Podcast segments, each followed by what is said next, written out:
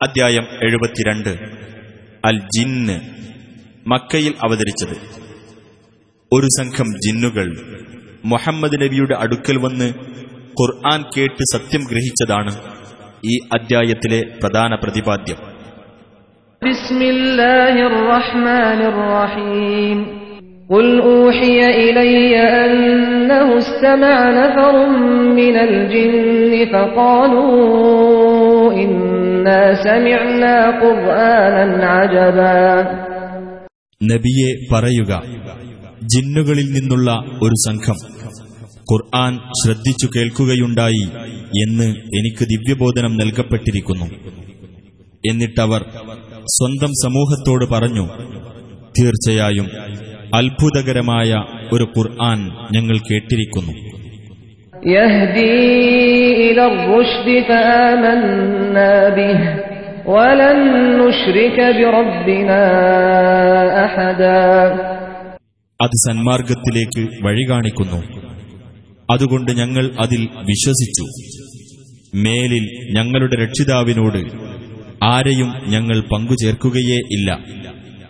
وأنه تعالى جد ربنا ما اتخذ صاحبة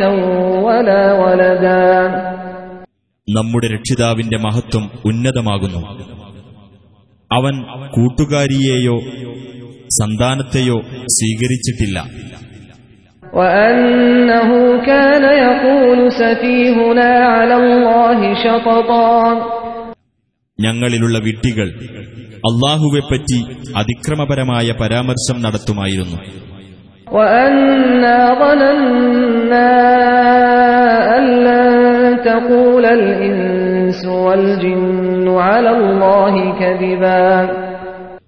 ഞങ്ങൾ വിചാരിച്ചു മനുഷ്യരും ജിന്നുകളും അള്ളാഹുവിന്റെ പേരിൽ ഒരിക്കലും കള്ളം പറയുകയില്ലെന്ന്. وأنه كان رجال من الإنس يعوذون برجال من الجن فزادوهم رهقا മനുഷ്യരിൽപ്പെട്ട ചില വ്യക്തികൾ ജിന്നുകളിൽപ്പെട്ട ചില വ്യക്തികളോട് ശരണം തേടാറുണ്ടായിരുന്നു അങ്ങനെ അത് ജിന്നുകൾക്ക് ഗർവ് വർദ്ധിപ്പിച്ചു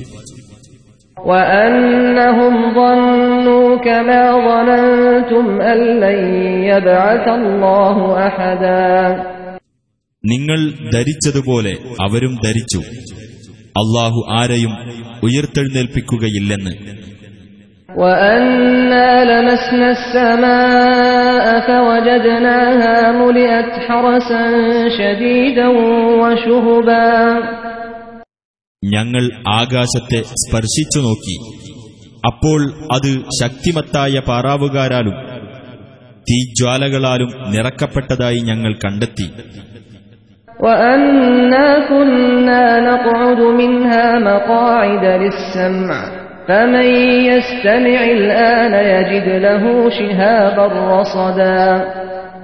ആകാശത്തിലെ ചില ഇരിപ്പിടങ്ങളിൽ ഞങ്ങൾ കേൾക്കാൻ വേണ്ടി ഇരിക്കാറുണ്ടായിരുന്നു.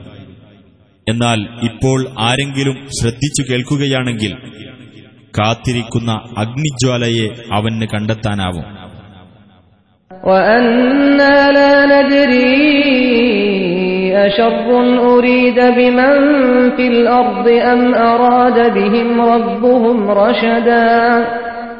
ഭൂമിയിലുള്ളവരുടെ കാര്യത്തിൽ തിന്മയാണോ ഉദ്ദേശിക്കപ്പെട്ടിട്ടുള്ളത്? അതല്ല അവരുടെ രക്ഷിതാവ് അവരെ നേർവഴിയിലാക്കാൻ ഉദ്ദേശിച്ചിരിക്കുകയാണോ എന്ന് ഞങ്ങൾക്കറിഞ്ഞുകൂടാ.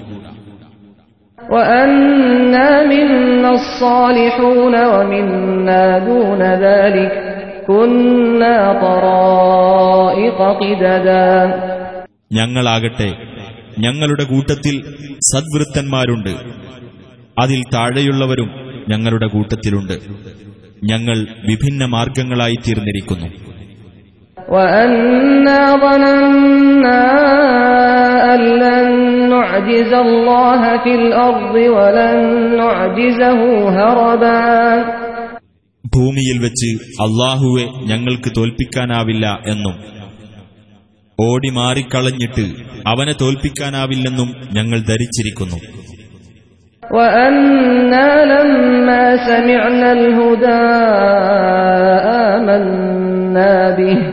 فمن يؤمن بربه فلا يخاف بخسا ولا رهقا സന്മാർഗം കേട്ടപ്പോൾ ഞങ്ങൾ അതിൽ വിശ്വസിച്ചിരിക്കുന്നു അപ്പോൾ ഏതൊരുത്തൻ തന്റെ രക്ഷിതാവിൽ വിശ്വസിക്കുന്നുവോ അവൻ യാതൊരു നഷ്ടത്തെയും അനീതിയെയും പറ്റി ഭയപ്പെടേണ്ടി വരില്ല وأنا منا المسلمون ومنا القاسطون فمن أسلم فأولئك تحروا رشدا ഞങ്ങളുടെ കൂട്ടത്തിൽ കീഴ്പ്പെട്ടു ജീവിക്കുന്നവരുണ്ട് അനീതി പ്രവർത്തിക്കുന്നവരും ഞങ്ങളുടെ കൂട്ടത്തിലുണ്ട് എന്നാൽ ആർ കീഴ്പ്പെട്ടിരിക്കുന്നുവോ അത്തരക്കാർ സന്മാർഗം അവലംബിച്ചിരിക്കുന്നു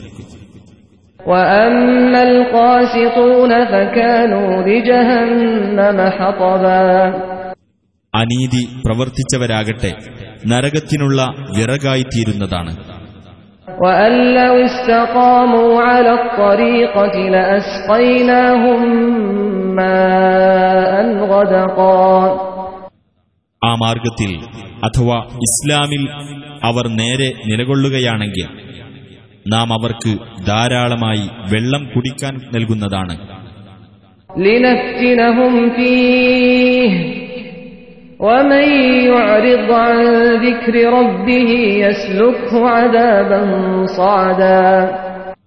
അതിലൂടെ നാം അവരെ പരീക്ഷിക്കുവാൻ വേണ്ടിയത്രേ അത്.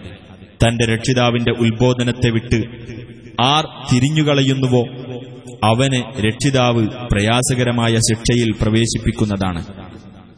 وأن المساجد لله فلا تدعوا مع الله أحدا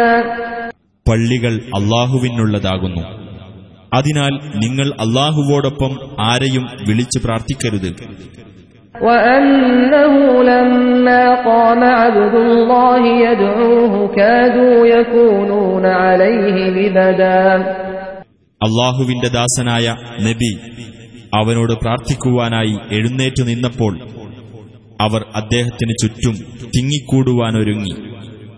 قل إنما أدعو ربي ولا أشرك به أحدا നബിയെ പറയുക ഞാൻ എന്റെ രക്ഷിതാവിനെ മാത്രമേ വിളിച്ചു പ്രാർത്ഥിക്കുകയുള്ളൂ അവനോട് യാതൊരാളെയും ഞാൻ പങ്കുചേർക്കുകയില്ല قل إني لا أملك لكم ضرا ولا رشدا പറയുക നിങ്ങൾക്ക് ഉപദ്രവം ചെയ്യുക എന്നതോ നിങ്ങളെ നേർവഴിയിലാക്കുക എന്നതോ എന്റെ അധീനതയിലല്ല قل إني لن يجيرني من الله أحد ولن أجد من دونه ملتحدا പറയുക അള്ളാഹുവിന്റെ ശിക്ഷയിൽ നിന്ന് ഒരാളും എനിക്ക് അഭയം നൽകുകയേ ഇല്ല തീർച്ചയായും അവനു പുറമെ ഒരു അഭയസ്ഥാനവും ഞാൻ ഒരിക്കലും കണ്ടെത്തുകയുമില്ല إلا بلاغا من الله ورسالاته ومن يعص الله ورسوله فإن له نار جهنم ومن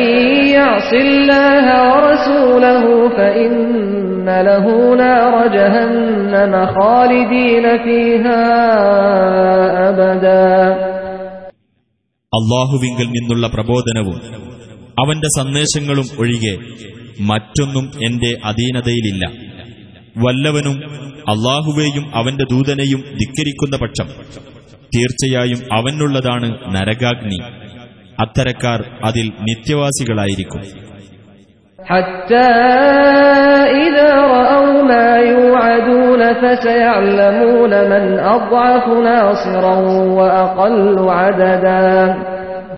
അങ്ങനെ അവർക്ക് താക്കീത് നൽകപ്പെടുന്ന കാര്യം അവർ കണ്ടുകഴിഞ്ഞാൽ ഏറ്റവും ദുർബലനായ സഹായി ആരാണെന്നും എണ്ണത്തിൽ ഏറ്റവും കുറവ് ആരാണെന്നും അവർ മനസ്സിലാക്കിക്കൊള്ളും. قل إن أدري أقريب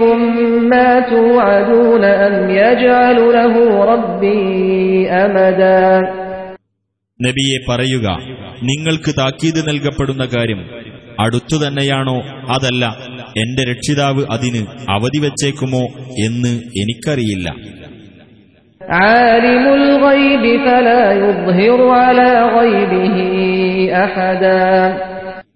അവൻ അദൃശ്യം അറിയുന്നവനാണ് എന്നാൽ അവൻ തന്റെ അദൃശ്യജ്ഞാനം യാതൊരാൾക്കും വെളിപ്പെടുത്തി കൊടുക്കുകയില്ല إلا من ارتضى من رسول فإنه يسلك من بين يديه ومن خلفه رصدا അവൻ തൃപ്തിപ്പെട്ട വല്ല ദൂതനുമല്ലാതെ എന്നാൽ ആ ദൂതന്റെ മുന്നിലും പിന്നിലും അവൻ കാവൽക്കാരെ ഏർപ്പെടുത്തുക തന്നെ ചെയ്യുന്നതാണ് ليعلم أن قد أبلغوا رسالات ربهم وأحاط بما لديهم وأحصى كل شيء عددا ആ ദൂതന്മാർ തങ്ങളുടെ രക്ഷിതാവിന്റെ ദൗത്യങ്ങൾ എത്തിച്ചു കൊടുത്തിട്ടുണ്ട് എന്ന് അള്ളാഹു അറിയാൻ വേണ്ടി അവരുടെ പക്കലുള്ളതിനെ